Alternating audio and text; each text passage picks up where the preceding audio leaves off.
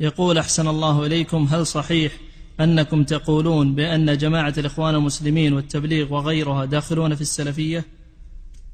هذا كذب وافتراء. ما يدخل في السلفية إلا من كان على منهج السلف.